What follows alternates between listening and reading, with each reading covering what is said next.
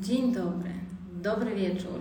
E, Punktualnie o 17.30 czasu polskiego i o godzinie 22.00 czasu mojego, czyli indyjskiego.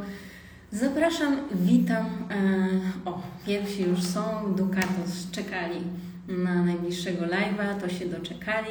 Starałam się jak najszybciej. Komu umknęło, to to jest drugi live. Drugi, ponieważ się okazało, że pierwszy em, był wypełniony wiedzą, e, półtorej godziny trwał, a jednak e, było to za mało, więc ustaliliśmy, że trzeba zrobić drugi. Koniecznie trzeba zrobić drugi, bo jest jeszcze tyle do powiedzenia. Cała lista tutaj jest przygotowana.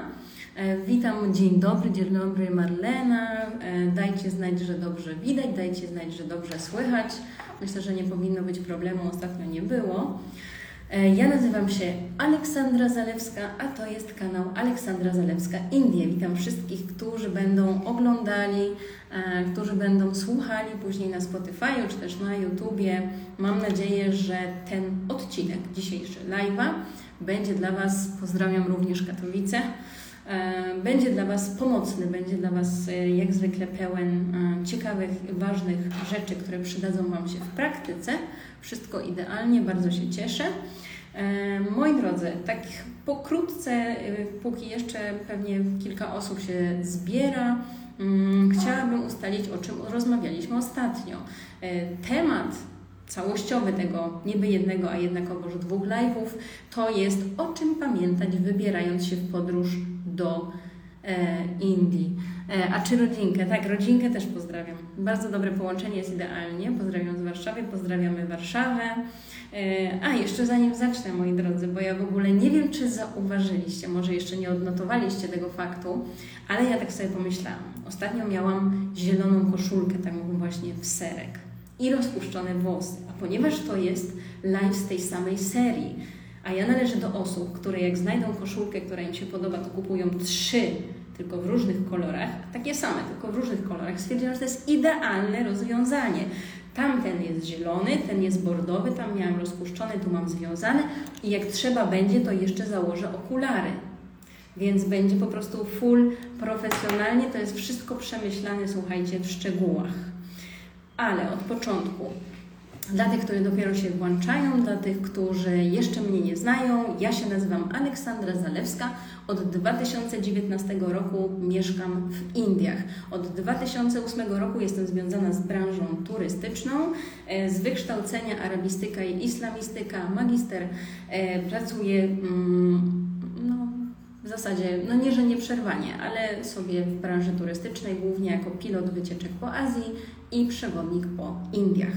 I teraz zbieram to swoje doświadczenie, dzielę się nim na wszystkich możliwych kanałach i pomyślałam, że przyda nam się taki live właśnie o czym pamiętać, kiedy wybieramy się w podróż do Indii.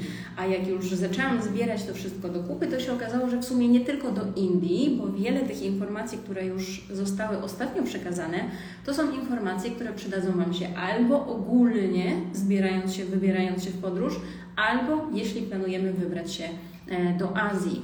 Więc pozdrawiam ciepło z zimnego Gdańska, a pozdrawiam, pozdrawiam, pozdrawiam. Mm, Wysyłam Wam trochę słońca i ciepłej energii z Bengaluru.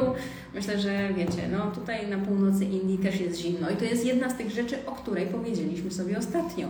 Czyli nie dajmy się złapać na to, że są bilety w super cenie do Delhi, bo grudzień, styczeń i luty to niekoniecznie są miesiące, kiedy byście chcieli tam wylądować. Potem skończycie tak jak Ewela z Happy You, która mm, przyleciała i się zdziwiła, że teraz nie ma się co ubrać, bo ma same letnie rzeczy, a w tym Delhi jest zimno i w tym Jaipurze też było e, dosyć zimno, także jeżeli chcecie naprawdę tak optymalnie wykorzystać e, ten czas e, spędzony w Indiach, to weźcie pod uwagę to, że jest to kraj ogromny, bardzo długi, bardzo szeroki. E, Są tutaj bardzo różne strefy klimatyczne, przez to pogoda jest różna w różnych okresach, więc raczej tą zimą na północ Indii się nie pchamy, ale zapraszam na południe. Ja mieszkam w Bengalurze na południu Indii i zima to jest idealny czas, żeby właśnie tutaj przylecieć. Możecie sobie przylecieć bezpośrednio do Mumbaiu, dlatego że lot ma bezpośrednie loty do Mumbaiu. Możecie sobie przelecieć dowolną inną e, linią lotniczą do Chennai, do Bengaluru, do Kochi i zacząć stamtąd e, zwiedzanie. E, tych pomysłów na zwiedzanie, co robić, jest sporo i zostały one zawarte z jednej strony w mojej książce Smaki Indii, która to też jest książką konkursową, bo przypominam o tym, że zrobiliśmy sobie ostatnio konkurs i w tym konkursie wzięły udział całe, uwaga, trzy osoby. Także moi drodzy, ha, ależ będzie losowanie, to będzie po prostu wyliczanka. W każdym razie do czego zmierzam? Jak już planujecie się tutaj wybrać, to wybieramy się na południe zimą. Jeżeli wybieramy się na północ, to optymalny czas to jest od końca lutego, marzec, kwiecień, maj. Potem się już zaczyna robić trochę ciepło i mówiłam o tym, że jeżeli jakieś biuro mi proponuje Ola zrób Rajasthan w lipcu, to ja mówię nie dziękuję, ale w 50 stopniach to ja przez dwa tygodnie zwiedzać, w zasadzie oprowadzać to nie będę. Więc niestety, ale lipiec, sierpień to jest taki mega, mega, mega gorący czas, taki, że naprawdę padniecie, jak tam będziecie. E, natomiast na południu zaczyna się pora deszczowa. I w zależności teraz, który stan, to ona się tak powoli przesuwa, jakby w dół i do góry. E, więc tak przeważnie od maja gdzieś tam do listopada. To nie jest tak, że wtedy się nic nie da, ale może popadać. Czy pada codziennie? Nie, nie pada codziennie. Hmm, więc o tym też możecie przeczytać w książce. I co zwiedzać, w jakich stanach, odsyłam Was na mojego bloga. Blog nazywa się atelierpodróży.pl. Pisze się to atelierpodrozy.pl. Jeżeli nie potraficie, nie umiecie zapisać, odsyłam Was do mojego bio.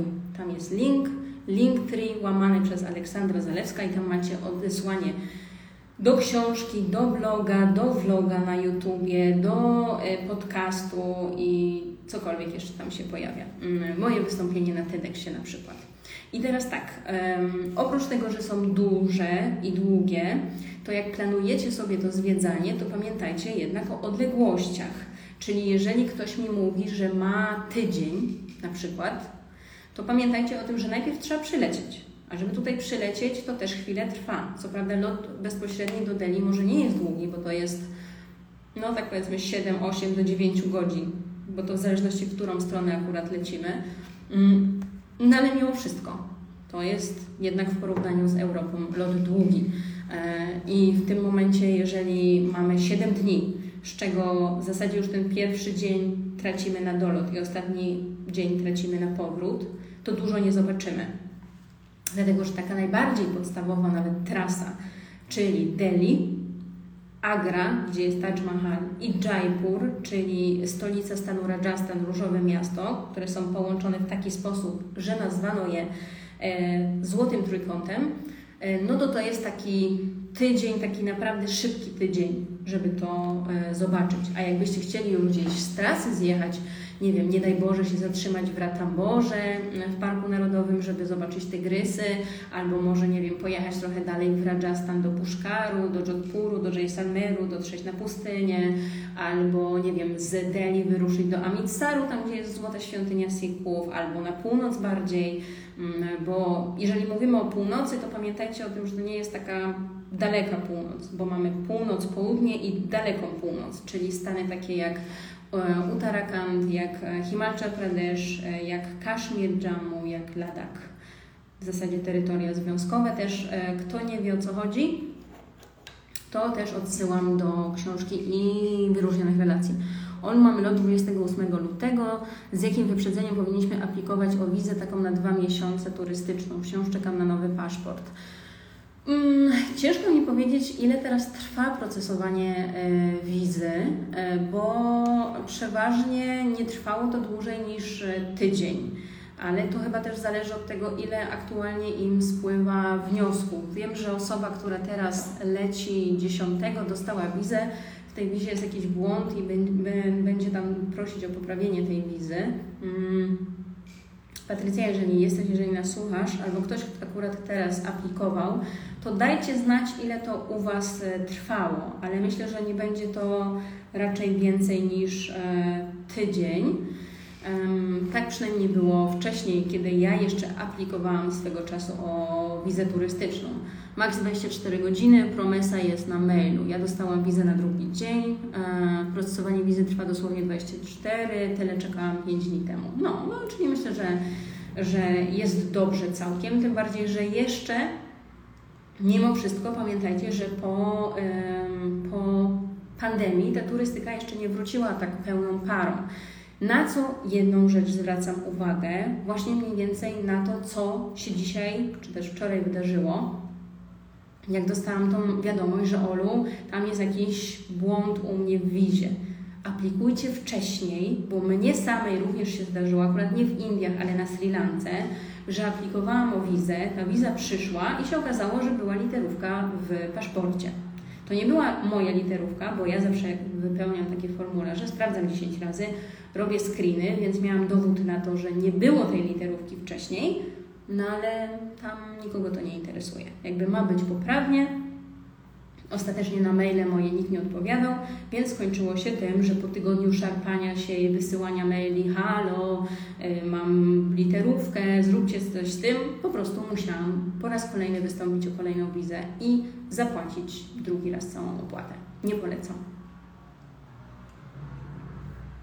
Dzisiaj lecę na samej wodzie, słuchajcie, więc zobaczę na ile mi starczy pary. Mamy już 33 osoby, bardzo się cieszę. E, miło Was wszystkich widzieć. Pamiętajcie, jeżeli macie jakieś pytania na bieżąco, to piszcie. E, przypominam, co było ostatnio. Ostatnio mówiłam innymi o tym, żeby sprawdzać walizkę, zanim wyjdziemy z lotniska. Tak naprawdę, zanim opuścimy tą strefę, gdzie walizkę się ściąga z taśmy. Dlatego, że tam się znajdują wszystkie mm, biura linii lotniczych i to tam od razu trzeba zgłosić szkodę.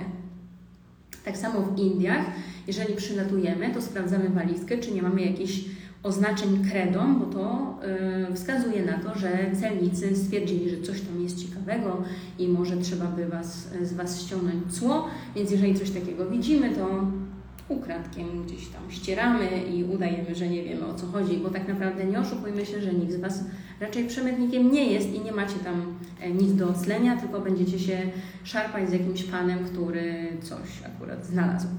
E, kolejna rzecz to była kwestia transferów i tranzytów. Jeżeli mamy tranzyt, nie wychodzimy z lotniska do 24 godzin, e, nie potrzebujecie wizy powyżej 24 godzin, albo jeżeli chcecie wyjść z lotniska, potrzebujecie wizy.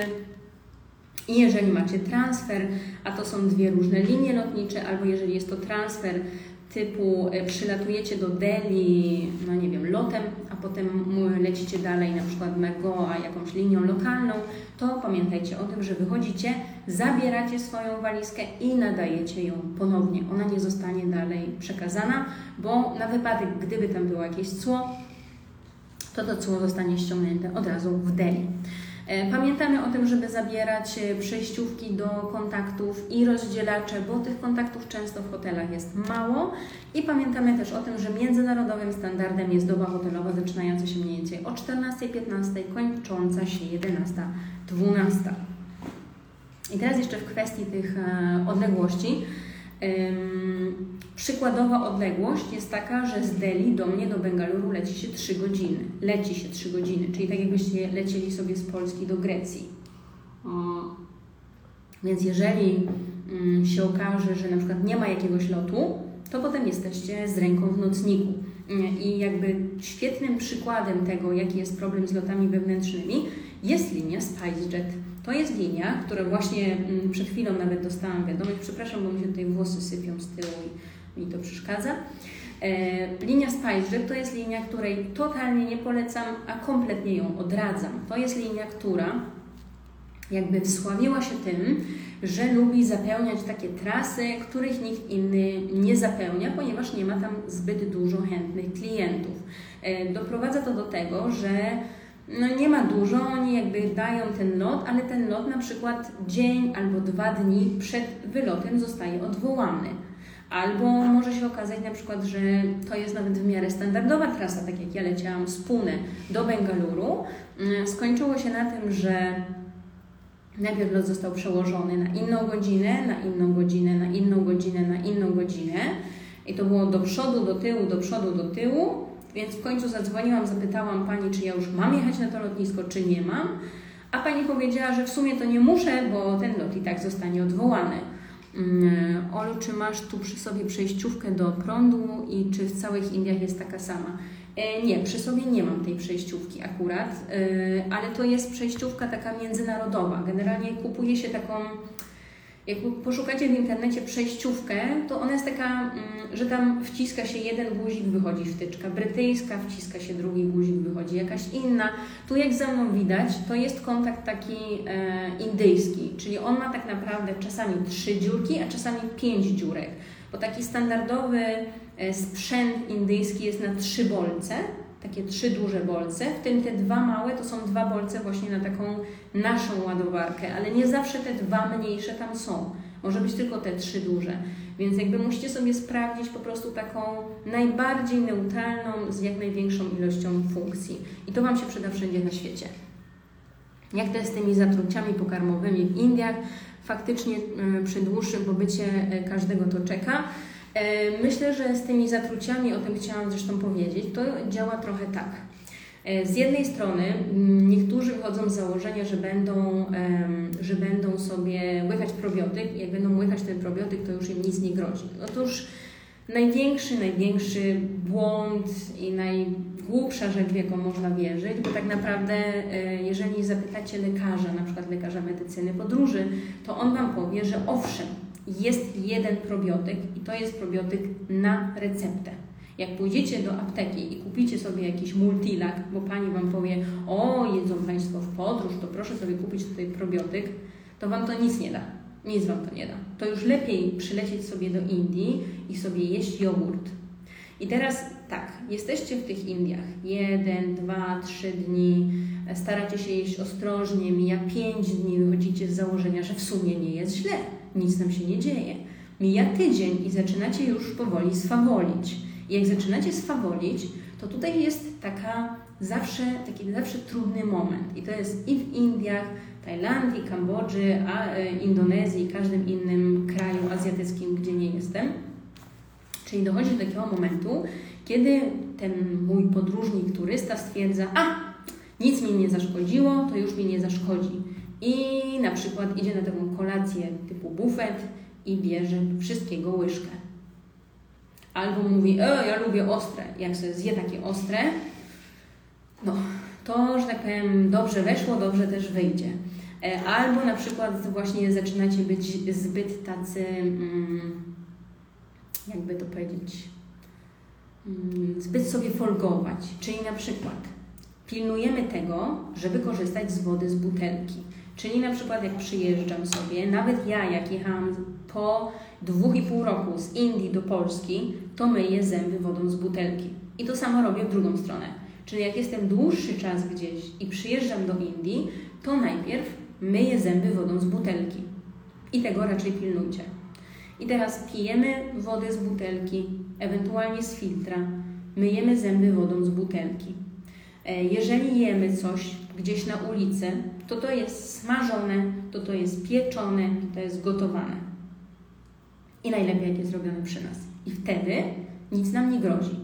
Jeżeli wyjdziemy z założenia, że o, już tu tyle jesteśmy, to już nam nic nie zaszkodzi, to wtedy na przykład widzicie takie stoiska, a ich jest bardzo dużo, więc nie trudno je przeoczyć, z takimi kulkami. Ten pan ma taką misę, na niej jest pełno takich kulek, kulek, kulek i on coś tam nalewa do środka. To to się nazywa pani puri. Pani puri to są takie małe chlebki, które są, jak się je smaży, to one tak puchną i się robią twarde. I robi się dziurę palcem, tam się do środka wsypuje ziemniaki z ciecierzycą najczęściej i zalewa się taką zieloną wodą. Ta zielona woda to jest taki jakby rozpuszczony trochę czatni, czyli tam jest mięta, kolendra, jakiś czosnek, nie wiem, może zielone mango, różne tam rzeczy, każdy tam coś innego miesza, bo tym sposobem te stoiska się między sobą różnią. No i do czego to doprowadza? Że Wy nie znacie źródła tej wody. I teraz jak zjecie sobie takie panipuri, a mówicie sta, stara zasada, idźmy tam, gdzie jedzą lokalsi. No więc jedzą lokalsi, owszem, i w Europie zapewne by Wam nie zaszkodziło, ale jedźcie tam, gdzie lokalsi jedzą smażone, pieczone albo gotowane. Bo jeżeli to będą jakieś sałatki surowe, albo warzywa, albo y, owoce, które ktoś gdzieś obrał, albo na przykład na stoisku Pani sprzedaje jackfruity. Jackfruit to jest owoc, owoc chlebowca, jakby ktoś nie wiedział, taki duży, taki tam się go rozłupuje, się wyjmuje takie cząstki żółte, no to też nie wiecie, jakimi rękami ta pani czy ten pan to robili. Więc ja bym radziła, żeby z takimi rzeczami po prostu kierować się e, zdrowym rozsądkiem. Tu zalatana pisze purilowe. Mm, Ja akurat należę do tych, co puri nie za bardzo. Mm, e, no, no to są. To są też puri z e, jogurtem. Ale jak już bardzo chcecie zjeść pani puri, to możecie iść na przykład do Haldirams albo możecie iść do Anand Sweets i wtedy raczej jest duża szansa, że Wam nic nie zaszkodzi. Także to nie jest zasada, że Wam coś zaszkodzi, ale pamiętajcie też o tym, że Wasza flora bakteryjna po jakimś czasie ona się Wam zaczyna zmieniać. E, I jeżeli jesteście gdzieś dłuższy czas, to ona tam na pewno sobie ewoluuje w tym brzuszku, więc jeżeli nie jemy, nie wiem, właśnie jogurtów na przykład, żeby to się powoli układało, to no to prędzej czy później Was coś może dopaść. A owocki i warzywa własnoręcznie umyte i obrane bezpieczne? Bezpieczne. Jak sobie umyjecie sami w pokoju, obierzecie i pokroicie czystym nożem, to bezpieczne. E, A co z samosą? Samosa jest smażona, więc nie będzie z nią żadnego problemu, bo ona jest smażona na głębokim tłuszczu. E, Jej wnętrze jest wcześniej upieczone, duszone, to jest takie pire, najczęściej z ziemniaków i groszków, więc nic Wam po e, samosie nie będzie.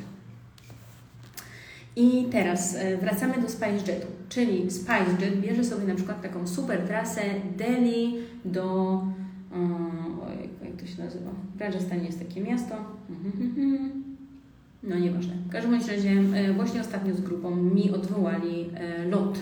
To był jedyny lot, z którego mogliśmy skorzystać, dlatego że akurat teraz po pandemii jest też mniej pociągów, więc nie było pociągu do Jaisalmeru, trzeba było wziąć ten lot i tak było wiadomo, że ten będzie lot odwołany, ale jednak podjęliśmy taką próbę, że może nie będzie i jednak był. I ze SpiceJetem potem odzyskanie pieniędzy to jest kolejna przeprawa. Także pamiętajcie, moi drodzy, jeżeli bukujecie sobie jakieś loty, najlepiej jest wziąć Indigo. Chociaż to jest linia bardzo, bardzo, bardzo mocno obłożona, bo ona ma naprawdę masę lotów i tam są zawsze mega kolejki, ale Indigo jest bezpieczne. Raczej mnie się nie zdarzyło. Wiadomo, że tam są jakieś wpadki. E, Teraz zresztą były wpadki, bo wczoraj, o wczoraj było święto Republiki i czwartek, piątek, sobota, niedziela, długi weekend. I wiele osób postanowiło z Bengaluru sobie polecieć gdzieś na długi weekend.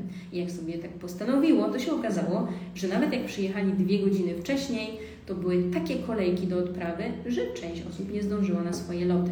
Także mm, bierzmy też pod uwagę to, że Indie są krajem dużym, gdzie jest miliard 400 coś tam, coś tam milionów ludzi. W zasadzie Indie albo już przebiły Chiny, albo zaraz przebiją Chiny ze swoją liczebnością, więc tych ludzi wszędzie jest zawsze więcej. Więc jeżeli w Warszawie przyjeżdżacie 2-3 godziny wcześniej na lotnisko, bo wiecie, że będziecie stać w tej kolejce do e, odprawy bezpieczeństwa, to w Indiach przyjedźcie te 3-4 godziny wcześniej na lotnisko, bo też się może okazać, że będziecie stać, a kolejki są znacznie, znacznie dłuższe. E, I teraz ważna rzecz, jeżeli sobie bukujecie te loty, to o ile to jest lot, mm, nie wiem, Air India na przykład, albo Indigo międzynarodowy, bo Indigo lata też międzynarodowo, e, to będziecie mieć 20-30 kg bagażu, ale jeżeli jest to lot wewnętrzny, narodowy, to macie limit 15 kg bagażu.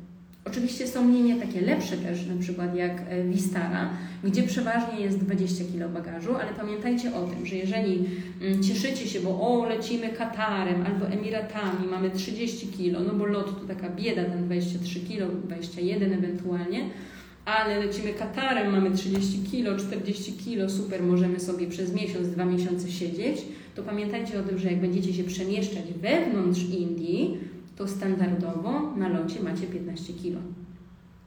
Plus jakieś tam 7 kg bagażu e, podręcznym, który co prawda nikt tego do końca nie przestrzega, ale jednak. I tu jest też kolejna podpowiedź moja dla Was. Ja należę do osób, które latały sobie na tych długich trasach albo gdzieś po Europie, to zawsze czekałam, aż wszyscy się tam załadują do tego samolotu.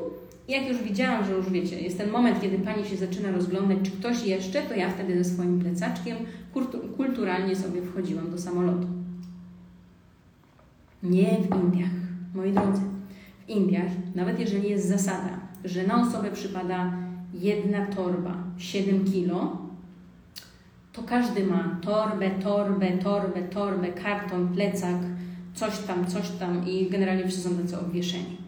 Bo y, na przykład tu trzeba mieć całą wałówkę dla rodziny spakowaną, a tutaj na przykład ym, ten region słynie z mango, a lecimy gdzieś tam, więc kupimy od razu 5 kilo mango dla rodziny, a to tam jeszcze sąsiadów trzeba kupić jakieś słodycze i tak każdy po prostu, wiecie, taki obwieszony w tym wchodzi, co powoduje, że wchodzicie sobie nagle, chcecie dać gdzieś tam swój plecak na górę i nie macie gdzie.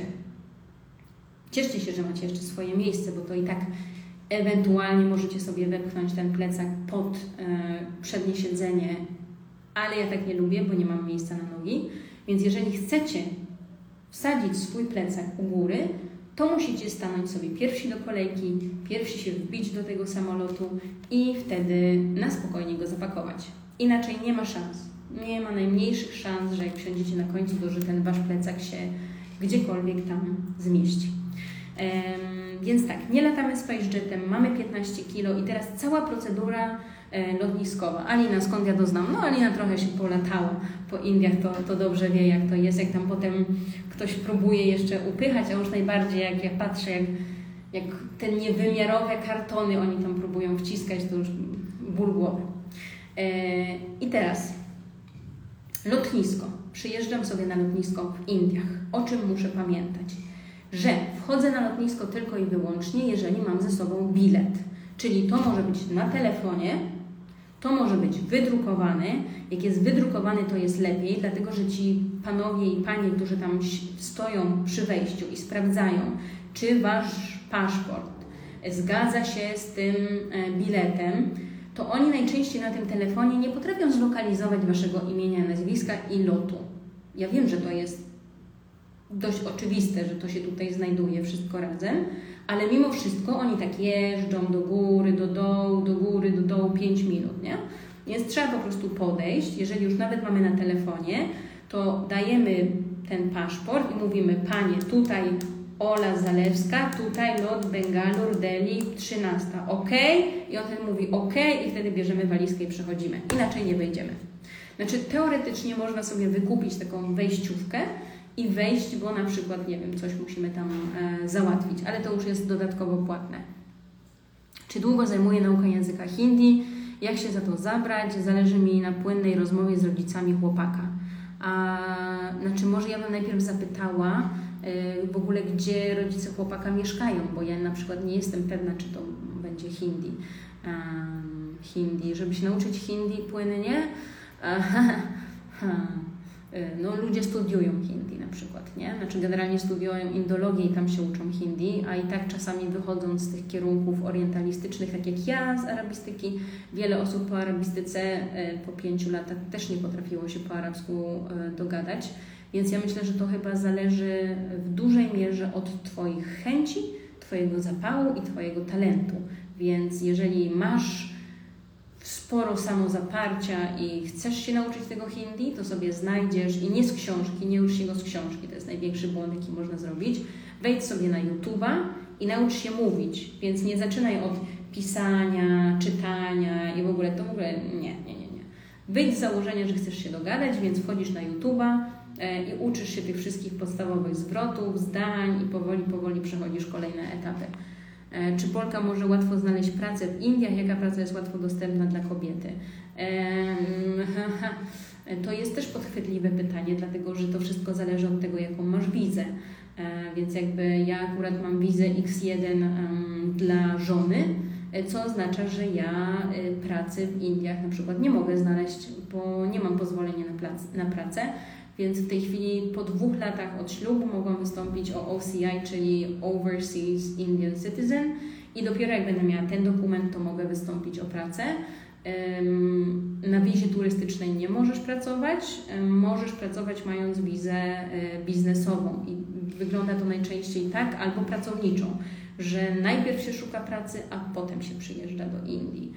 E, tak to mniej więcej się wszystko układa po kolei. No ale dobra, co my tu mamy? Mi kiedyś pracodawca wystawił rezerwację wyłącznie po polsku. Chyba z 40 minut się głowili, zanim puścili na lotnisko. No tak, tak.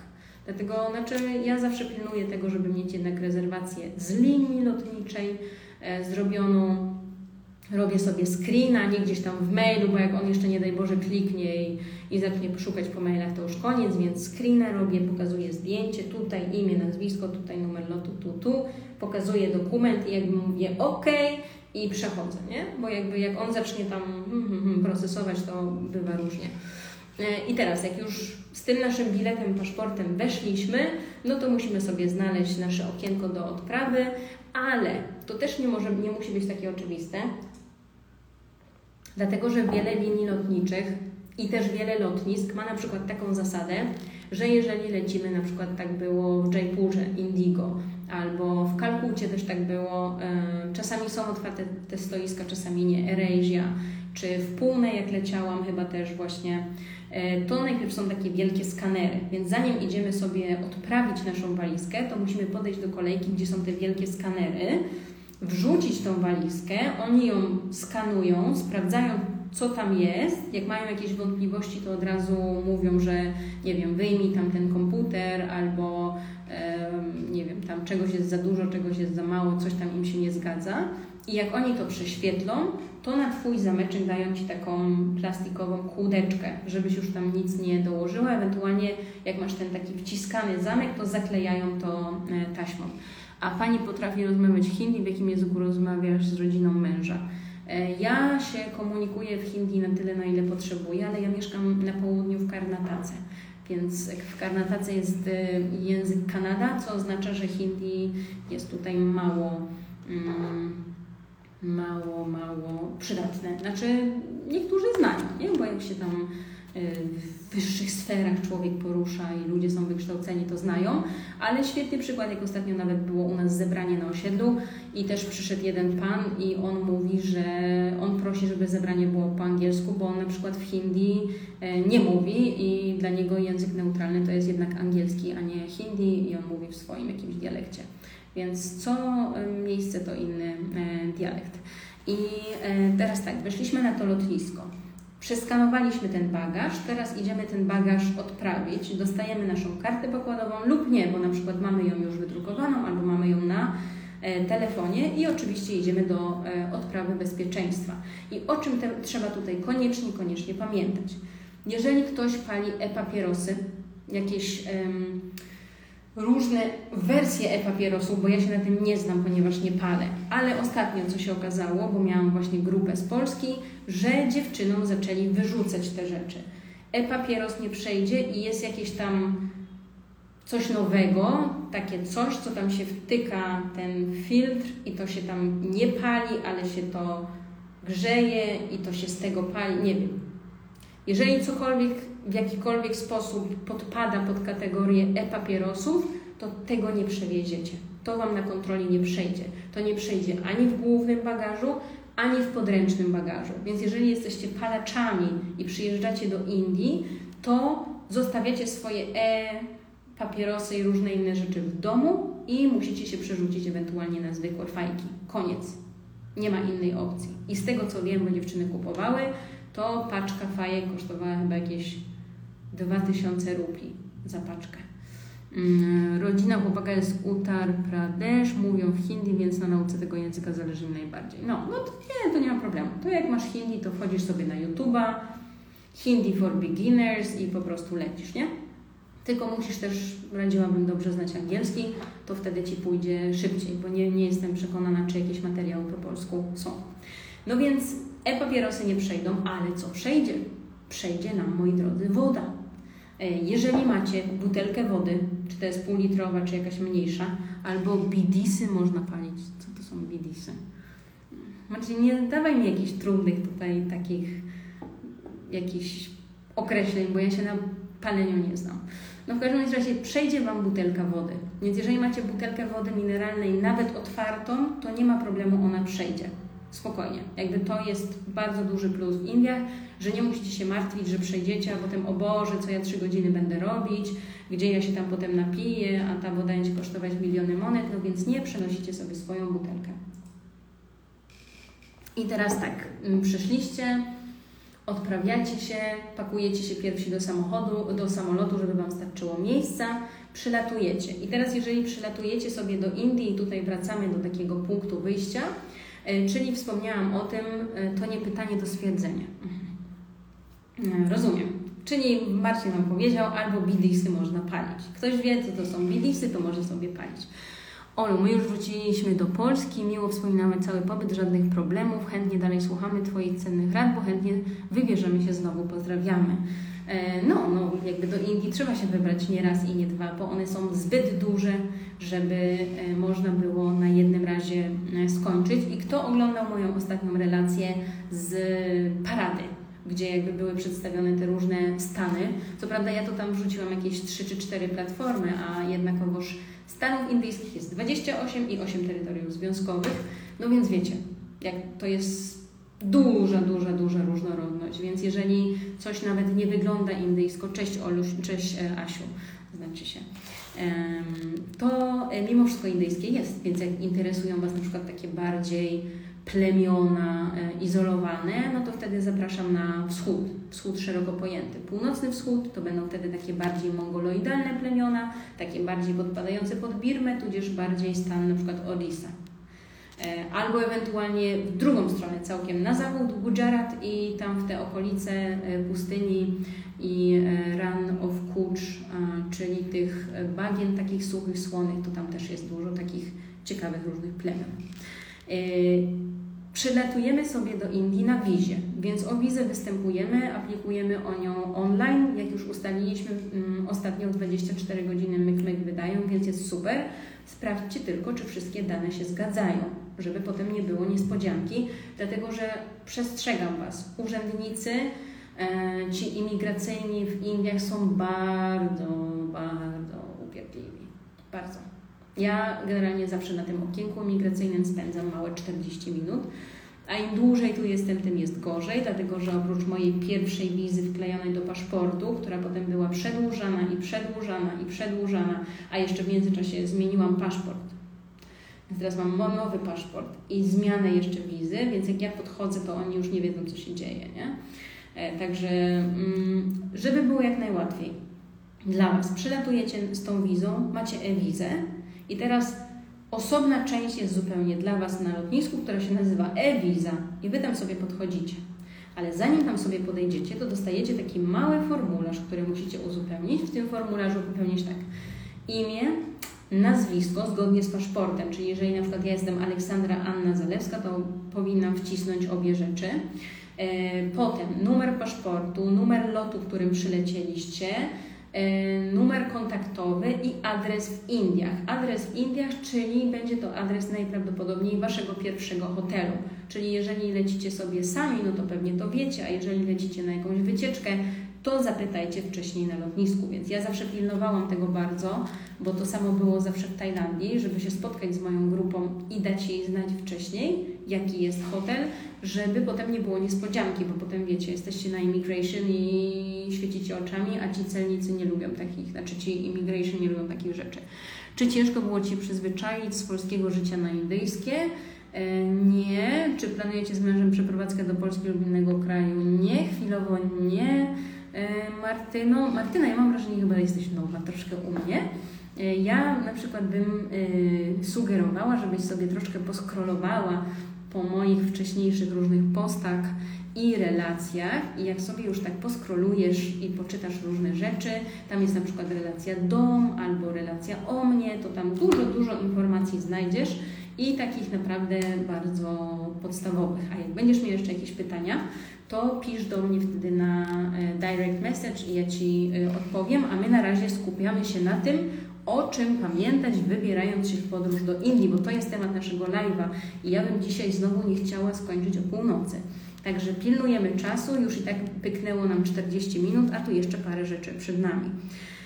Yy, więc jakie są w tej chwili restrykcje covidowe? No więc dla osób przylatujących z Europy teoretycznie ich nie ma, ale jeżeli na przykład by się okazało, że lecicie sobie przez Singapur, bo możecie lecieć przez Singapur. Czemu nie? Lecicie sobie gdzieś tam, gdzieś tam i potem do Indii. Więc jeżeli lecicie z Singapuru, Korei Południowej, Tajlandii, e, między innymi mm, Chin, co tam jeszcze było?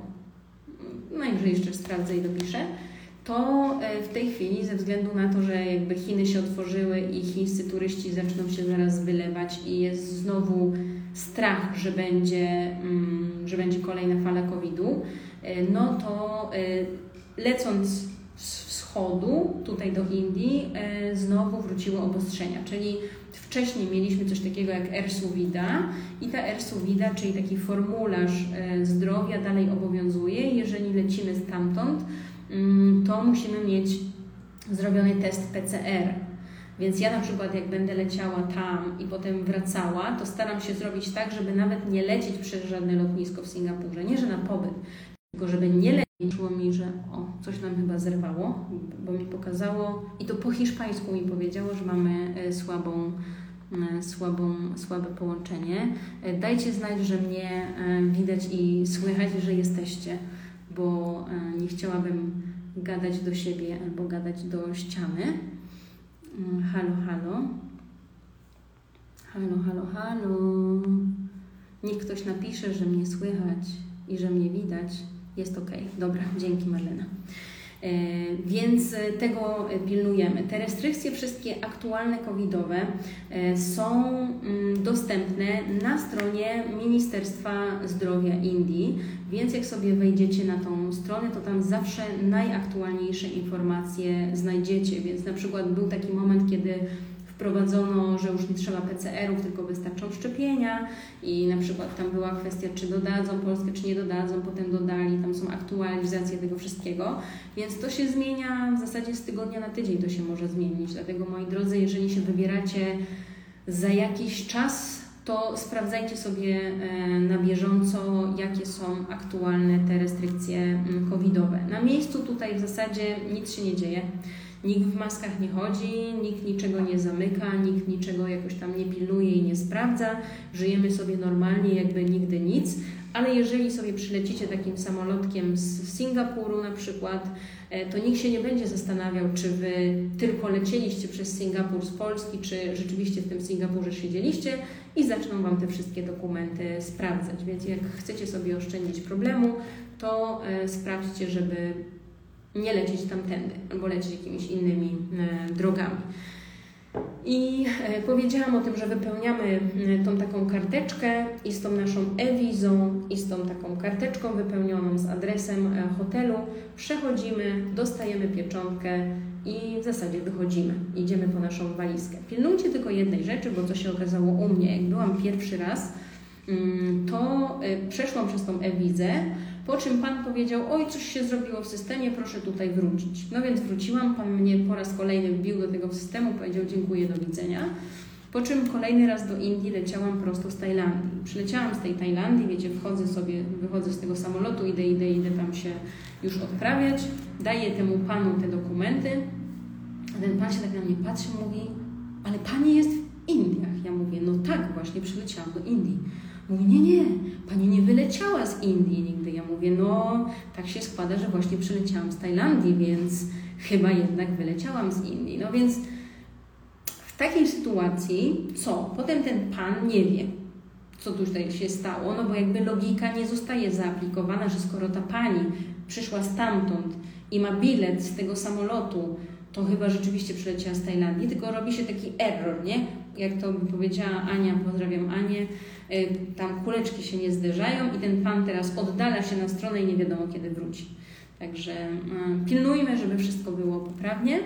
I jak macie jeszcze jakieś pytania o loty, to mówcie od razu. I teraz jak wejdziecie sobie z lotniska, w zależności które to będzie lotnisko, możecie sobie złapać metro, możecie sobie złapać tuktuka, e, taksówkę, cokolwiek. Przypominam o tym, żeby sobie sprawdzać na Uberze, na tej zwykłej aplikacji Uber, której używacie w Polsce, ile powinien kosztować przejazd na tym i na tym odcinku. Jak najbardziej metro w Delhi czy w Bengalurze jest bezpieczny, więc warto też z niego e, korzystać. E, kolejna kwestia, co my tutaj mamy. E, wiza, deklaracja na lotnisku, covidowe to mamy. O, mam na przykład tutaj zaraz obok kwestię lokalnych przewodników. To jest jedna z moich ulubionych kwestii. Ja się uwielbiam pastwić nad tym. I nieraz już tutaj ten temat zostaje podnoszony z koleżankami, kolegami z branży. Zresztą w czasie zeszłorocznej głównej burzy też to wypłynęło.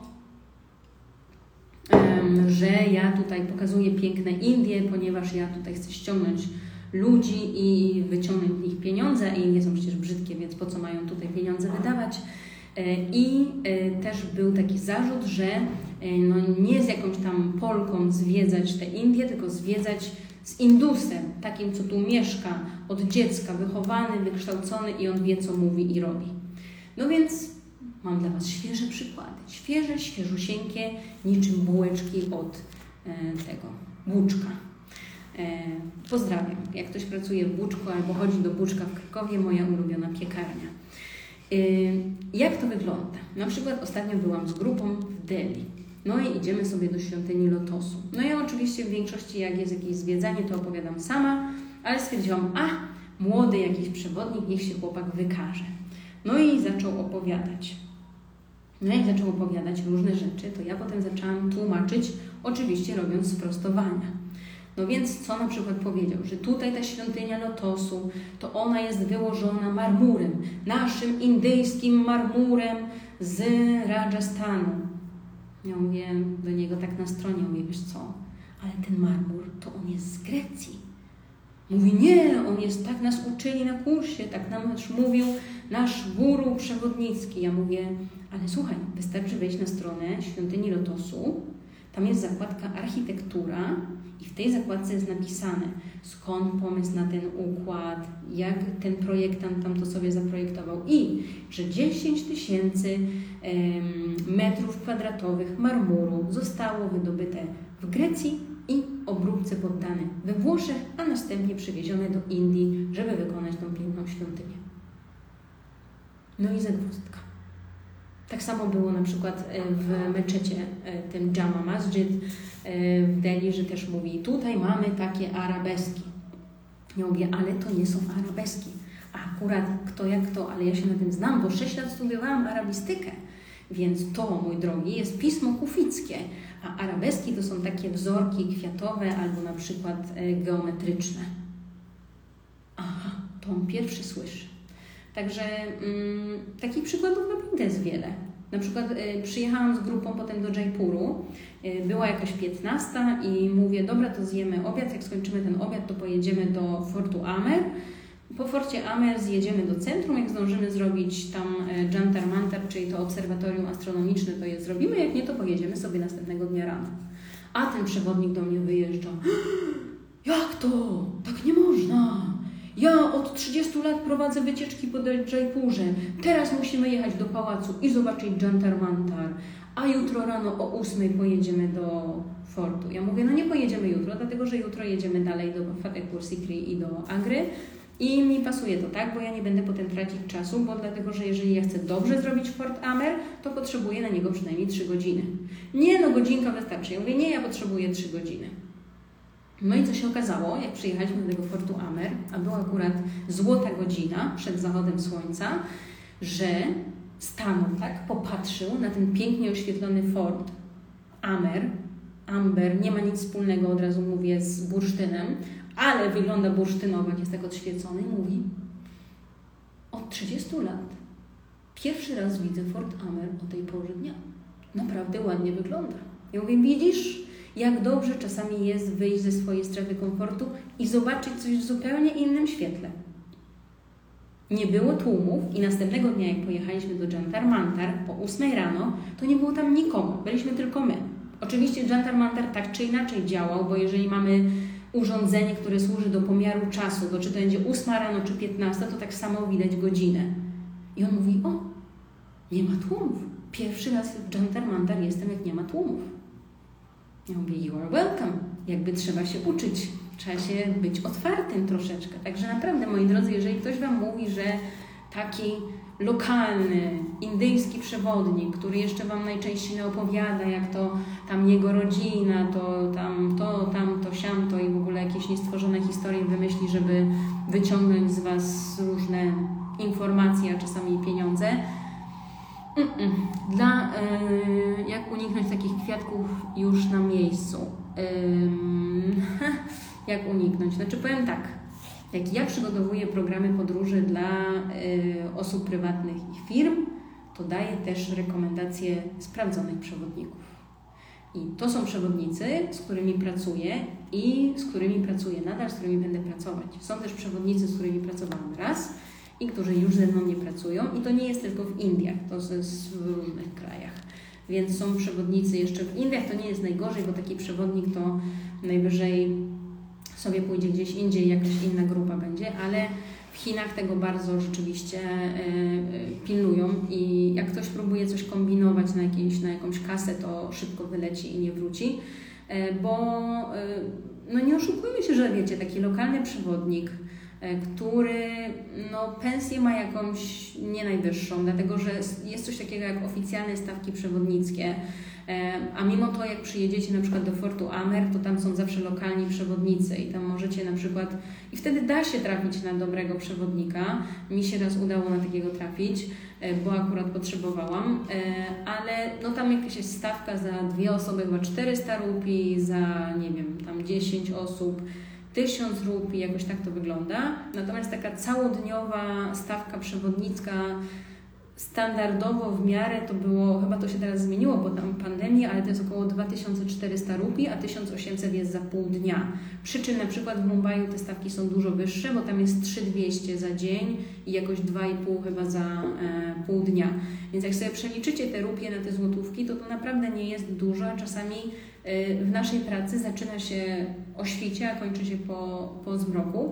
Mm, I w tym momencie często ci przewodnicy kombinują, jak tam coś dodatkowo sobie zarobi, co oznacza, że jak on wam powie, że a, tam jego kuzyn, nie wiem, robi e, wyroby takie, a ciocia ma restaurację, a ktoś tam, jakiś jego sąsiad jeszcze ma coś innego wyjątkowego, niesamowitego, no to potem w zasadzie wasze zwiedzanie, nie wiem, Jaipuru kończy się na tym, że tak bujacie się jakimś tam tuktukiem po, po mieście, zwiedzając kolejne mm, sklepy i to jest, to samo jest i to na pewno Ania Błażejewska potwierdzi, to samo jest na Bali.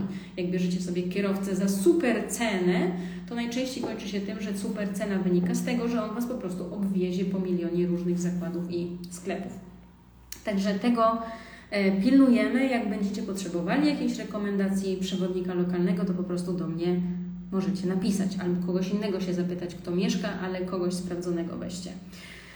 O rezerwacjach pociągów mówiłam i o tym, żeby płacić lokalnymi kartami. Była też mowa, że da się mm, płacić rewolutem. O, toaleta, toaleta, toaleta to jest ważny temat. W Azji mamy toaletę, jak ja to mówię, na małysza. Czyli mamy, pamiętajcie, w większości miejsc dziurę w podłodze. Co prawda nie jest to taka dziura, dziura, w sensie, że dziura i nic, tylko są to takie toalety, czyli jest toaleta, która jest po prostu zrobiona w ziemi, bo jakby fizjologicznie fizjologicznie, tak. To jest bardziej naturalna pozycja do korzystania, czyli pozycja kucająca.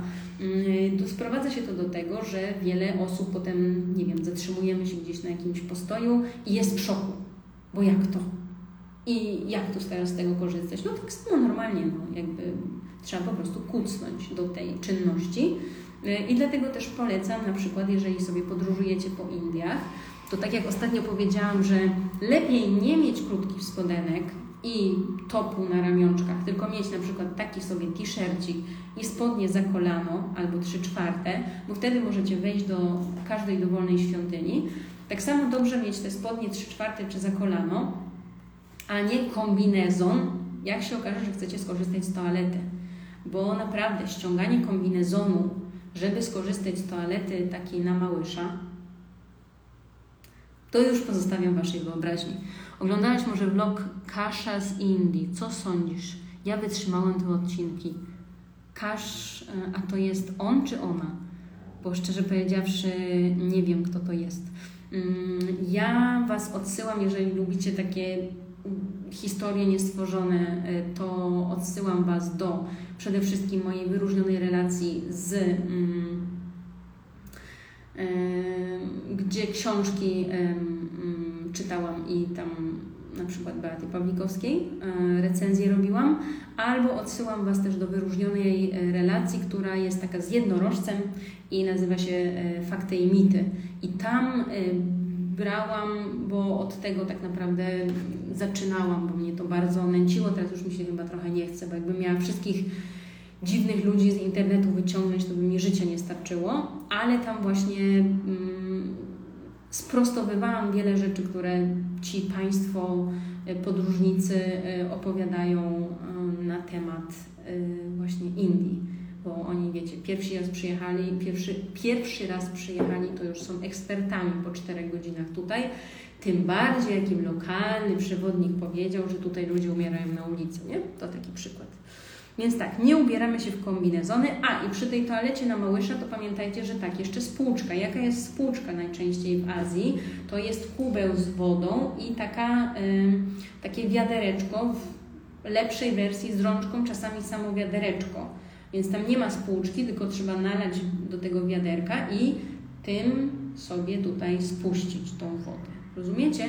I tam też często nie będzie mm, papieru toaletowego, bo w Indiach, tak jak na przykład na Bliskim Wschodzie, wszyscy się podmywają, więc papieru raczej na standardzie nie ma. Jest w hotelach, ale lepiej mieć zawsze właśnie jeżdżąc przy sobie jakieś chusteczki higieniczne, żeby móc sobie skorzystać.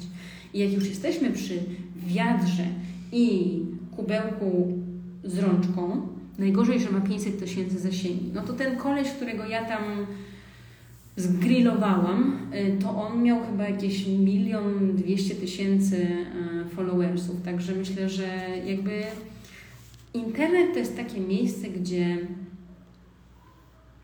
nie robi się kariery na inteligencji. Ci, którzy tutaj są ze mną dzisiaj, albo oglądają, słuchają, wiedzą dlaczego tutaj są, wiedzą po co przyszli do mnie E, po informacje, a nie dlaczego idą do takiego kogoś, kto ma duże zasięgi i już po 4 godzinach w Indiach jest od nich ekspertem, tak? Także nie traćmy więcej czasu i energii na to. E, więc e, tutaj od razu uwaga do Was. Jeżeli będziecie sobie w hotelu, na przykład takim hotelu typu Heritage. Heritage Hotels to są takie na przykład, to był jakiś pałac Maharadży, a teraz jest zamieniony w hotel, albo to był jakiś nie wiem, jakiś wyjątkowo ciekawy budynek stary architektonicznie, zamieniono go teraz w hotel. I one są bardzo fajne, bardzo klimatyczne to są miejsca, ale najczęściej mm, problem polega na tym, że łazienki są starego typu. Co to oznacza? Oznacza to, że nie mamy prysznica, a już tym bardziej takiego prysznica z rączką, którym moglibyśmy się umyć, tylko jak już jest to taki, wiecie, ten rain shower, taki, ta deszczownica, Y, ale najczęściej tutaj pod prysznicem mamy po prostu, jak to się nazywa? No, kran. Kran mamy po prostu pod prysznicem. I pod tym prysznicem stoi sobie wiadro i stoi sobie mniejsze takie z rączką. Y, no więc jakby większość osób myśli sobie, aha, czyli nie wiem, mogę tutaj wybrać sobie ubrania. No możesz sobie wybrać tutaj ubrania, ale zasadniczo to jest do kąpieli, bo jakby jest to po prostu tradycyjna kąpiel kubełkowa indyjska, czyli polecam sprawdzić, jak będziecie. Możecie też sprawdzić w domu, tylko nie wiem, czy polewaczkę gdzieś znajdziecie. Nalewacie sobie tam tej wody i nie ma wtedy też problemu, że nie wiem, ona jest za gorąca czy za zimna, bo jakby jesteście w stanie wyregulować temperaturę, w wiadrze, po czym się polewacie mydlicie, spłukujecie i tak ekologicznie jednym wiadrem jesteście w stanie się wykąpać. Tadam! Także to przy okazji wiaderek. E, bardzo, bardzo ważna kwestia, e, która nazywa się MRP. E, jak wejdziecie sobie w moje przypięte posty, bo teraz na górze Instagram daje opcję przypięcia postów, to tam mam przypięte trzy rzeczy. Pierwsza rzecz z brzegu to są moje, yy, mój filmik, który, no, przyznam szczerze, że zrobiłam go tak z głupia, tak na zasadzie, a, dobra, zrobię. I ma najwięcej wyświetleń w ogóle wszystkich filmików, prawie 15 tysięcy już. Więc jest to yy, filmik, który pokazuje takie standardowe, codzienne indyjskie gesty, z czego ten pierwszy, który jest tam, oznacza, że chce mi się siku i idę do toalety. Więc to jest na przykład coś, co mogłoby Was zaskoczyć. Mnie na przykład raz zaskoczyło, jak właśnie w Mumbai jechałam sobie e, taksówką, po czym Pan zatrzymał się w zasadzie na środku drogi, bo tam nie było gdzie zaparkować. Odwrócił się do mnie, zrobił tak, wyskoczył z samochodu i go nie było. No i wiecie, ja siedzę w tym aucie. Te auta tam, które mijają, trąbią, no bo tutaj stoimy na środku. Ja nie wiem, gdzie on poszedł, kiedy wrócił, co się dzieje. No więc to oznaczało, że tam gdzieś tutaj jest toaleta publiczna, więc ten pan szybko na siku wyskoczył i tyle. E, Czym w wielu daniach w Indiach występują orzechy, mamy mocną alergię i to zawsze stres podróży, że zjem nieświadomie. E, w Wielu nie, ale na przykład nie jedz tego e, shahi e, panir. Shahi panir to jest taki ser panir w takim sosie niby pomidorowym, ale on jest właśnie najczęściej też powinien być z orzechami nerkowca. Więc e, jak jest taki gęsty sos, jak generalnie gdzieś się pojawia określenie, czy na nerkowce nie, chociaż nie wiem jak to tam jest z tymi uczuleniami, jak się gdzieś pojawia określenie kaju, w sensie kaju, to znaczy, że to są nerkowce. Więc jest parę dań, które są właśnie z nerkowcem i wtedy tego określenia kaju radziłabym e, unikać. Lubię kąpiel kubełkową, tylko uważam, e, tylko używam własnego kubełka, bo one zazwyczaj nie są zbyt czyste. Czy ja wiem, czy nie są czyste? Ja go sobie tam zawsze opłuczę i już jest czysty. No co tam może nie być czyste? Tam każdy tylko nalewa wody. Mnie zaskoczyło, jak mój rozmówca się ciągnie delikatnie za, ciągnął delikatnie za uszy. A, przepraszam. E, No, czyli różne są gesty, także odsyłam Was do tego przypiętego filmiku. Drugi przypięty post to jest, e, bo często pytacie o e, rekomendacje jakiejś restauracji, więc tam jest kilka takich sprawdzonych miejsc. Trzeci przypięty post jest właśnie z takimi bardzo prostymi poradami na temat tego, żeby na przykład nie dawać pieniędzy żebrakom, nie dawać pieniędzy matkom z dziećmi, bo to często nawet nie są ich dzieci, że to jest wszystko układ mafijny i między innymi właśnie pojawia się kwestia MRP. MRP, zaznaczam, to jest coś, co jest nie tylko w Indiach, ale także w Nepalu i na Sri Lance. MRP to jest Maximum Retail Price i to jest cena, która zawsze jest nadrukowana na produkcie. Więc jeżeli mamy na przykład ten notes, ten notes, który został e, zakupiony tutaj w Indiach, akurat zdarłam już tą naklejkę, więc Wam nie pokażę, e, ale na tej naklejce było MRP. MRP to jest cena, której sprzedawca nie może przebić, nie może sprzedać po większej cenie. W ramach tej ceny MRP jest uwzględniony transport produktu, marketing produktu i milion innych rzeczy. Co oznacza, że przykładowo, jeżeli będziemy robić sobie zakupy w Tesco, bo mamy tutaj Tesco, to się nazywa Lotus chyba Tesco. Nie jest to typowe Tesco, tylko pod marką tam Lotus. E, Albo w Big Bazaar, no to robimy wtedy zakupy tak jak u nas w hipermarketach, gdzie mamy promocje na różne produkty. I wtedy na przykład mamy napisane MRP 300, przekreślone i tam jakaś cena na przykład 250. Jak pójdziemy do takiego małego, lokalnego sklepu, to tam najczęściej promocji nie ma, ale ten pan, jeżeli coś kosztuje 300, to nie może, nie ma prawa, żeby sprzedać nam za więcej niż 300. Oczywiście standardowo turysta tego nie wie. I na przykład teraz tak, przylatuje sobie taki, mm, no dobra, robię polskie grupy, tak? Polska grupa po tygodniu już się kończą e, zapasy alkoholu, a wiadomo, trzeba wypić e, 50 na, dla zdrowotności. No więc na przykład idą sobie do sklepu monopolowego w Katmandu na skrzyżowaniu. No i bierzemy sobie, nie wiem, butelkę whisky i pytamy pana ile, a pan mówi 3000.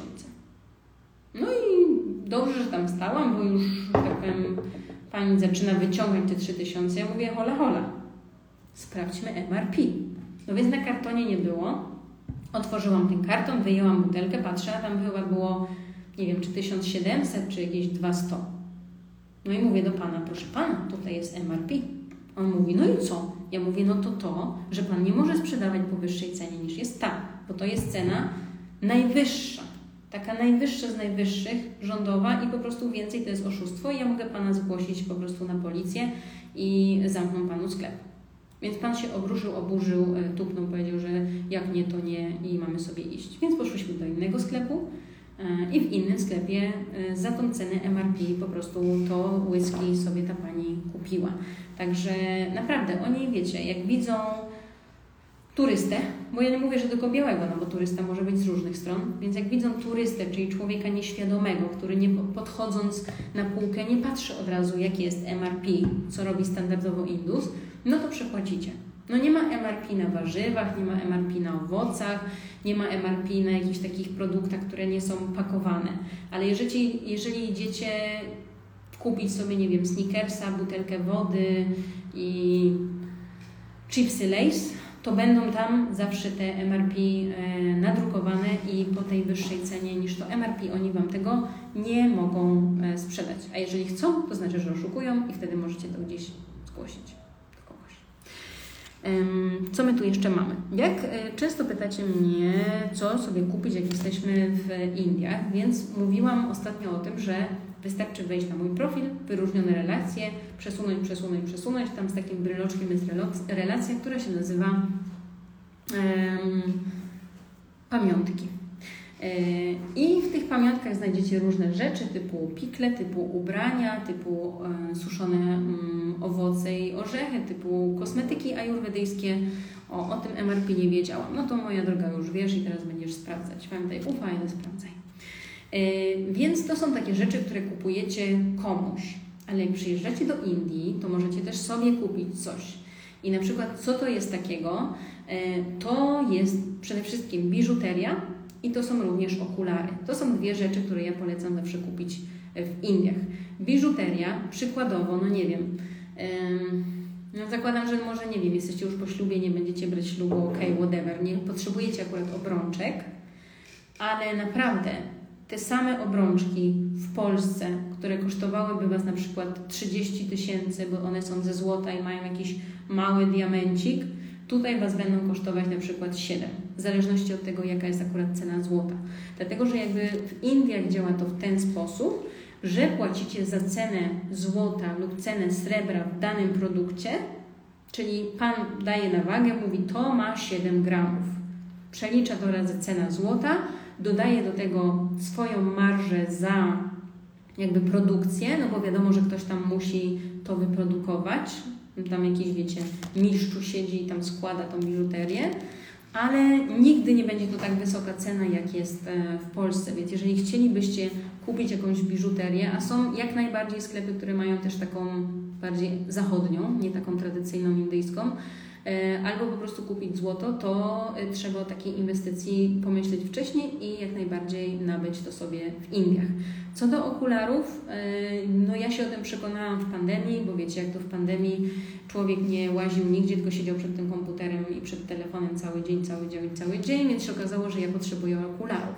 No więc poszłam do optyka, e, zaczęłam szukać oprawek, spodobały mi się m.in. te, e, plus spodobały mi się złote Tommy Hilfigery i mówię, znając ceny szkieł i oprawek w Polsce, będzie ciężko. Po czym się okazało, że za dwie pary oprawek, w tym złote Hilfigery, i dwie pary szkieł, w tym tamte są jeszcze jakieś lepsze niż te, zapłaciłam łącznie 500 zł. Także myślę, że za złote Hilfigery w Polsce to byście nawet za same oprawki tyle nie zapłacili. Więc jeżeli chcielibyście nabyć nowe okulary, albo nawet nie całe okulary, to tylko oprawki, e, to polecam rozejrzeć się też za tym w Indiach. Gdzie szukać biżuterii? Po prostu u jubilera, są jakieś specjalne sklepy, gdzie na pewno złoto to złoto. U jubilera złoto to będzie złoto, więc jakby wchodzimy do sklepów, które są sklepami jubilerskimi. Jakbym nie kupowała nigdzie indziej, e, więc są sklepy różne sieciowe typu Taneszk, e, to jest pod korporację Taty podpada, Karat Lane, Bluestone, to są takie bardziej nowoczesne, no i jest cała masa takich właśnie lokalnych złotników, którzy robią takie bardziej tradycyjne indyjskie produkty. Oh my god, następnym razem idę zatem kupić okulary, super porada. No, także naprawdę, jeżeli chcecie kupić dla siebie albo nie wiem, dla mamy, taty, siostry, znajomych, na jakiś mały handelek w Polsce, to warto nabyć oprawki e, w Indiach. Co my tu jeszcze ważnego mamy, bo może tak byśmy dobijali do brzegu, bo już przebyłam godzinę. E, jedzenie, woda, mm, zakryte ramiona, a, opinie o hotelach. Tada, ważna kwestia. E, wiele razy, jak ktoś podróżuje po Indiach, mm, no to bukuje sobie po prostu hotele przez jakiś tam, nie wiem, booking.com albo inną platformę. E, a ja worek złota. No, no i już jesteście ustawieni na całe życie. I teraz pamiętajmy o tym, że Indusi to jest naród, który stać na pomoce domowe, mm, na y, kierowców i kucharzy i różne inne osoby i tak samo stać ich na podróże, co oznacza, że wielu Indusów podróżuje. Podróżuje zarówno w trakcie tygodnia, ale najczęściej w weekendy. Więc jeżeli sobie robicie jakiś tam plan swój zwiedzania, to pamiętajcie o tym, że sobota i niedziela miejsca zwiedzania są pełne full, bo Indusi uwielbiają zwiedzać swój własny kraj. Więc e, naprawdę, jak ktoś mieszka na przykład na południu, to będzie sobie bardzo często jechał na północ, żeby tam pozwiedzać. Na przykład Rajasthan to jest w ogóle ulubione miejsce. Mm, jeżeli ktoś mieszka na północy, to będzie przyjeżdżał na południe. Jak były jakieś tam bardziej obostrzenia, albo ktoś, no nie wiem, no nie ma czasu, żeby aż tak daleko jechać i tyle wydawać i spędzać tydzień, no to jeżdżą nawet tutaj. No z Bengaluru małe 5 godzin autostradą i jesteśmy w Hampi, e, w Kurk, w Chikmagalur, w Kabini. Mm, to są miejsca turystyczne, które są pełne Indusów. Pełne, naprawdę pełne. I teraz, e, co za tym idzie? Ci Indusi, tak samo jak Wy, robią te różne rezerwacje przez te platformy. I teraz na przykład wchodzimy sobie na jakiś tam hotelik, e, i patrzymy, ma opinię, nie wiem, 9-4, cudowny, w ogóle jest, fabulous, nie?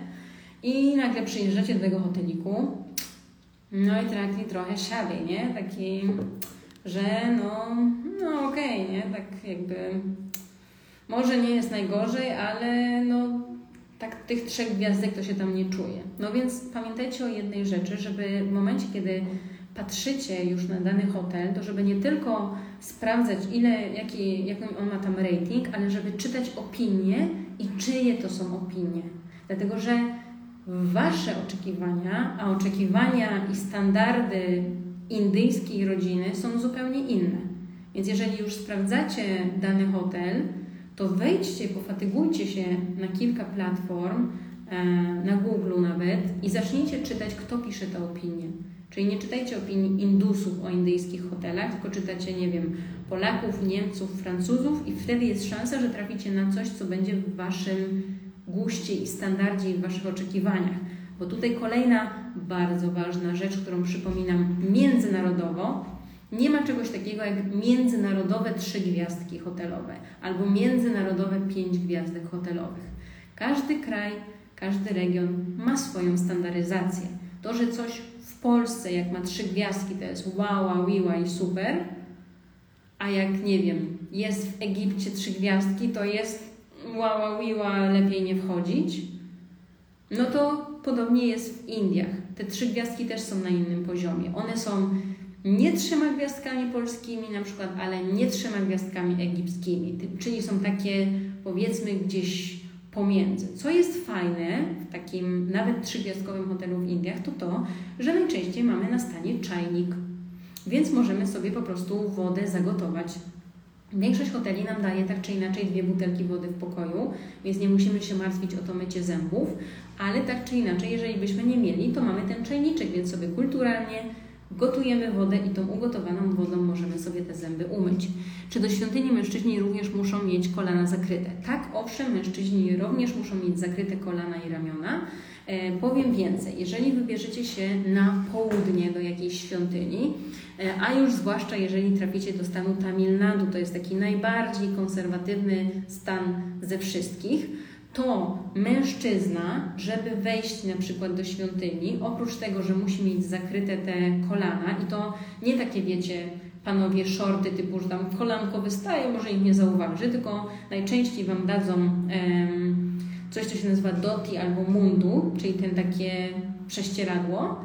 I jeszcze na dodatek czasami mogą Wam kazać ściągnąć koszulę, dlatego że e, na południu, na przykład tym się różni kapłan na południu od tego na północy, że na północy jest całe ubrane, a na południu mają właśnie zawiązane to swoje prześcieradło i mają odkrytą klatę. E, więc e, wielokrotnie, jak popatrzycie, jak, jak mężczyźni wchodzą do takiej świątyni w Tamil Nadu, no to właśnie wchodzą często bez koszuli. Jeszcze tam na teren dziedzińca to pół biedy, ale im jesteśmy bliżej Mm, tego sakrum, tym jest gorzej, co nie zmienia faktu, że jako białych do sakrum i tak Was nie wpuszczą, bo w Tamil Nadu oni są bardzo restrykcyjni, że wejście do sakrum jest tylko dla e, wyznawców hinduizmu. Jak długo prowadzić tę profilaktykę z myciem zębów z butelkowej e, wody? To zależy na jak długo zostajecie. Generalnie tak minimum ja bym sugerowała dwa tygodnie, nie? Czy buty możemy włożyć do torby wchodząc do świątyni? Yy, Nie, generalnie buty nie powinny w ogóle wejść z Wami do świątyni. Yy, Zawsze przed świątynią jest jakieś miejsce, żeby zostawić buty. W mojej historii mi się nie zdarzyło, żeby te buty kiedykolwiek zginęły, więc jakby opłata za przechowanie tych butów to jest jakieś 5 rupii, 2 rupie, 10 rupii maksymalnie. E, Oddajecie i potem zabieracie te buty z powrotem. I tu też ważna uwaga, którą sobie też zanotowałam.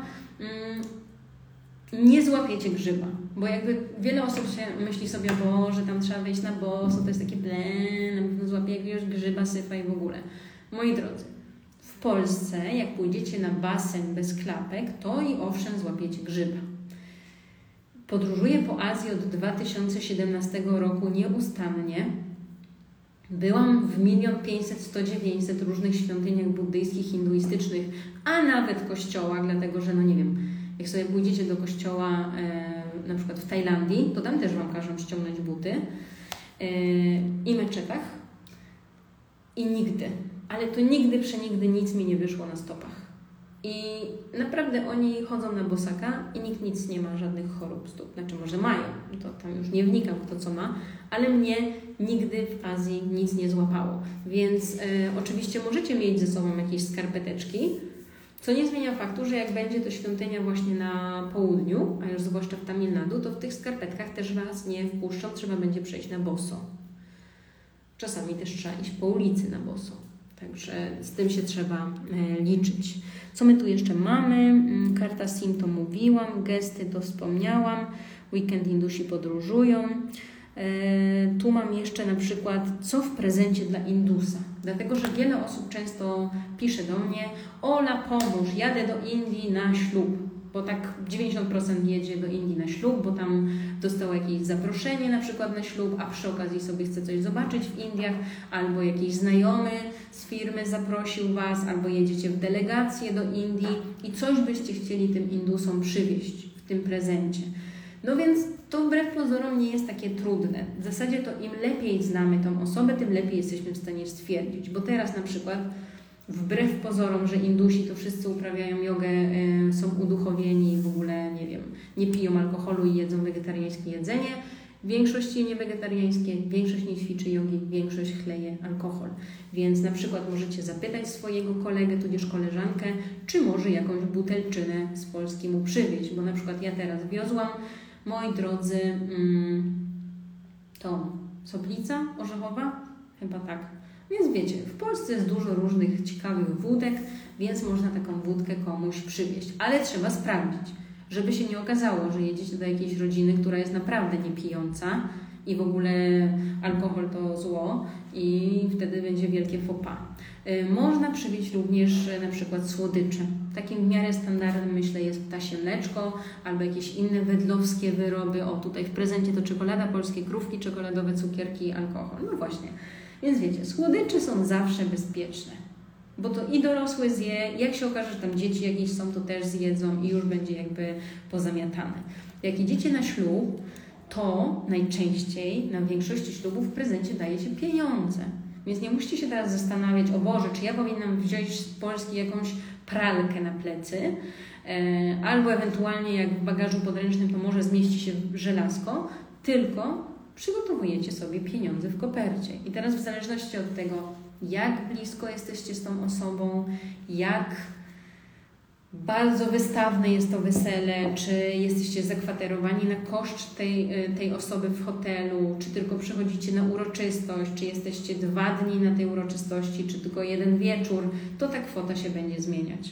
I tutaj nie ma jakby jednej recepty na to, ile ona powinna wynosić. Moim bardzo smakowały krówki i biała czekolada. No widzicie, jakby białą czekoladę w Indiach też mają. E, Jak pojedziemy sobie, nie wiem, do Purg, gdzie jest czekolada, albo do tego, do Munaru w Kochi, no, w takich miejscach, gdzie najczęściej są plantacje herbaty i kawy, to tam też jest e, kakao i robią czekoladę, więc biała czekolada w Indiach też jest. Ale rzeczywiście smakuje inaczej. Generalnie czekolada smakuje inaczej w Indiach. Polecam sprawdzić. Co prawda, jak kupicie Cadbury, to będzie smakowało normalnie, ale jak kupicie sobie czekoladę marki jakiejś indyjskiej, to zobaczycie, że smakuje zupełnie inaczej i to chyba bardziej przypomina taki wyrób czekoladopodobny, jakie kiedyś były w czasach PRL-u. Podobno. Nie wiem, tak słyszałam. Jestem dzieckiem lat 90. Dobra, chyba z grubsza. A, yy, tu było jeszcze o prezentach, było o aplikacji ostatnio pytanie. Jeszcze było jakieś pytanie, mam zapisane coś zdjęcia, ale nie wiem o co chodzi ze zdjęciami, więc jeżeli ktoś pamięta o co chodziło e, z tym pytaniem, to proszę o podpowiedź. Jakie aplikacje sobie ściągnąć? Na pewno sobie ściągnąć Ubera. Jeżeli chcecie alternatywę dla Ubera, dlatego że czasami, uwierzcie mi, jest dramat, żeby złapać w ogóle tuktuka albo taksówkę, bo naprawdę to nie musi być godzina szczytu. Ja ostatnio o 10.30 nie mogłam złapać. Znaczy generalnie miałam spotkanie o 10.30, więc o 9.50 zaczęłam szukać w aplikacji podwózki do miejsca, gdzie 20 minut się jedzie. Dotarłam na miejsce o 11, bo ciągle mi nie znajdowało jakiegoś połączenia. Więc alternatywnie dla Ubera warto mieć też aplikację, która się nazywa Ola. Czyli tak jak ja. Skończyło się na słodyczach jako prezent. No. E, więc e, Ola i Uber to są dwie aplikacje, które Wam się przydadzą na pewno do zamawiania transportu. Teraz przyda Wam się na przykład też aplikacja Skyscanner, nie Skyscanner, tylko mm, e, Flight Radar, czyli aplikacja, która służy do tego, żeby sprawdzać, gdzie są loty i na jakim etapie, dlatego że loty w Indiach generalnie lubią się gdzieś tam e, opóźniać. E, I często, gęsto przyjdziecie do pani i nie wiem, na przykład boarding miał być 12.30, jest 12.30, samolotu jeszcze nie ma nawet podstawionego i mówicie, przepraszam Panią, czy mamy jakieś opóźnienie? A Pani, nie, zupełnie nie. No ale miał być już boarding. Hmm, nie ma problemu, nie mamy żadnego opóźnienia. Także na Flight Radarze wpisujecie sobie tam wtedy numer lotu albo trasę i możecie sobie sprawdzić łatwo, szybko i przyjemnie, gdzie i jaki lot e, jest, gdzie jest akurat Wasz e, samolot. Jeżeli chcielibyście na przykład mm, coś bardziej kulinarnego, to wtedy ściągacie sobie aplikację, która się nazywa Zomato i drugą aplikację, która się nazywa Swiggy. I to są dwie aplikacje, które służą do zamawiania jedzenia i nawet jak będziecie w jakimś hoteliku i stwierdzicie, że jesteście głodni, e, to sobie możecie zamówić jedzenie do tego hoteliku i często, gęsto raczej mm, jakby właściciele tych hoteli nie mają nic e, przeciwko, chyba że prowadzą swoją własną restaurację, to wtedy tak trzeba troszkę pokryjomu to ogarnąć. Natomiast mm, do czego się też przydaje Zomato i Swiggy? do tego, że tam jakby podajecie adres, albo on ściąga Wasz adres po lokalizacji. Więc, przepraszam, bo już mi tracę głos. Samoloty, dobry temat, bilety to jakieś kosmiczne ceny. Z UK do Amritsar za jedną osobę prawie 700 funtów. No bo nie lecimy nigdy do Amritsaru, tylko lecimy najpierw do Delhi. A potem z Delhi sobie bierzemy pociąg i tyle. No i jak sobie wbijemy tą naszą lokalizację na tym Swiggy albo na tym Zomato, to wtedy zobaczymy, jakie mamy, lokali- jakie mamy restauracje w naszej lokalizacji. Więc zamiast, wiecie, chodzić po okolicy i szukać, tak się rozglądać, zastanawiać, co by tu zjeść i czy to w ogóle się dla nas nadaje i co oni tutaj serwują, to po prostu wchodzicie sobie w Zomato i Swiggy i po tym adresie sobie sprawdzacie, że na przykład tutaj jest jakaś restauracja i na przykład tam jest pięć gwiazdek, więc nie wiem, na przykład ma, no jak ma, powiem Wam tak, tak obiektywnie jak ma 3,5 to już jest ok, nie? Najlepiej, żeby miała 4 i powyżej. Ale taka standardowo w Bengalurze znaleźć coś, co ma powyżej 3,8 to jest naprawdę bardzo e, ciężko, bo ludzie mają dużo różnych oczekiwań i wymagań. Więc jak ma 3,5, 3,8 to już naprawdę można na spokojnie coś tam zjeść, więc sobie wchodzicie, sprawdzacie sobie menu, widzicie od razu co to jest, bo tam są zdjęcia, widzicie jakie są ceny tego jedzenia i wtedy możecie sobie albo to zamówić, albo po prostu przejść się do tego miejsca i na spokojnie sobie usiąść to jedzenie e, zamówić. Więc myślę, że to jest też ważna i ciekawa opcja. Co jeszcze? Jakie ja mam jeszcze aplikacje? No w sumie tyle, bo ja nie korzystam jakoś dużo z aplikacji, bo nie należę do osób mm, aplikacjowych. Co ja tutaj mam? Mm, nie. W zasadzie to tyle. No i e, Google Pay z aplikacji, no bo jeżeli mówimy już o Czy w Indiach na Google Maps też funkcjonują opinie o knajpach? Możliwe, że funkcjonują, ale ja bym na nie nie patrzyła raczej, szczerze powiedziawszy, bo na Google niestety w Indiach można się zawieść. W ogóle Google w Azji to on tak nie za bardzo. Więc Zomato, Swiggy i właśnie, i właśnie, właśnie, co ja tutaj mówiłam, i Google Pay, tak? Więc jeżeli chcielibyście płacić e, bezgotówkowo, e, to wtedy najlepiej sobie właśnie tą aplikację Google Pay ściągnąć i nią sobie mm, płacić. To tak z grubsza chyba tyle. A, wege jedzenie jest w McDonaldzie, jakbyście chcieli. Nie, żebym kogoś wysyłała do McDonalda, ale na przykład to jest wyjątkowe na skalę międzynarodową, że jest naprawdę bardzo, bardzo dużo wegetariańskiego jedzenia w McDonaldzie, więc można zjeść burgera z kotletem jakimś warzywnym albo z sera panir i jest dużo różnych innych wegetariańskich opcji, więc tak jako ciekawostkę zawsze można sobie podejść i coś zamówić. No i kawa jest zawsze dobra w maku, nie? Więc jak nie wiadomo gdzie, to trzeba iść do maka. Ok, czy macie jeszcze jakieś pytania? Bo jak nie, to ja chyba się w te małe półtorej godziny znowu uwinęłam. Yy, ty, ty, ty, ty. O czym tu pamiętać? No, to chyba wszystko mamy. Jeżeli coś się okaże, że na tej mojej cudownej liście e, jeszcze nie odhaczyłam, to najwyżej zrobię dodatkowy post, a z grubsza to ode mnie dzisiaj tyle, więc moi drodzy, e, to była, ja bardzo lubię hamburgery wegetariańskie z makaronem. Aha, z makaronem to nie znam. Ale to w Indiach? Nie widziałam z makaronem w Indiach. Także moi drodzy, to była Aleksandra Zalewska, Indie. E, To był e, drugi odcinek live'a o tym, o czym pamiętać, wybierając się w podróż do Indii i w ogóle wybierając się w podróż, a zwłaszcza do Azji. I jeszcze raz bardzo gorąco e, dziękuję wszystkim, którzy byli. E, I e, na koniec jeszcze zrobię wyliczankę między tymi trzema osobami, które wzięły udział w konkursie. Jeszcze chciałabym przypomnieć o tym, żebyście pamiętali z tymi pieniędzmi, to co mówiłam już ostatnio. Czyli jeżeli jedziecie, to sprawdźcie, żebyście mieli nowe, niepodarte, niepoklejone, nieporysowane, niepopisane, niepobrudzone banknoty. Dobrze? Bo inaczej będziecie mieli problem, żeby je wymienić. Bardzo dziękuję. Dobra, uwaga, mamy tak. E, Sylwia Kos, Kasia e, Here and There i Pauli Sauli Journey. Jakoś tak to zapisałam. Więc mamy trzy osoby, które wzięły udział w naszym konkursie.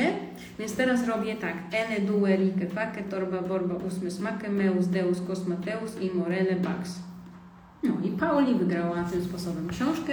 Także nie wiem, e, czy jesteś z nami, czy nie. Jak nie, to ja, że tak powiem, e, się do Ciebie odezwę. E, I e, tyle w tym temacie na dziś. Oby się zapisał live, nie zdążyłem. No ja też bym chciała, żeby się zapisał, bo wiecie, jak już człowiek włoży tyle serca i energii w to, to chciałoby się, żeby to się wszystko zapisało. E, Jeżeli ewentualnie będziecie mieć jakieś wątpliwości, pytania, to przypominam, że tak, można do mnie pisać. Warto poskrolować sobie mój profil, bo naprawdę i w postach, i w wyróżnionych relacjach jest masa informacji. Warto sobie wejść na mój blog Atelier Podróży i na vlog. Jak bardzo byście chcieli więcej informacji, to można sobie kupić moją książkę Smaki Indii. Tam macie 414 stron informacji o życiu codziennym, religii, legend, przepisów, wszystkiego. E, I też e, co? No i, i pytania, jak coś, no to na direct message po prostu. Dzięki, do usłyszenia, trzymajcie się i miłego weekendu dla Was.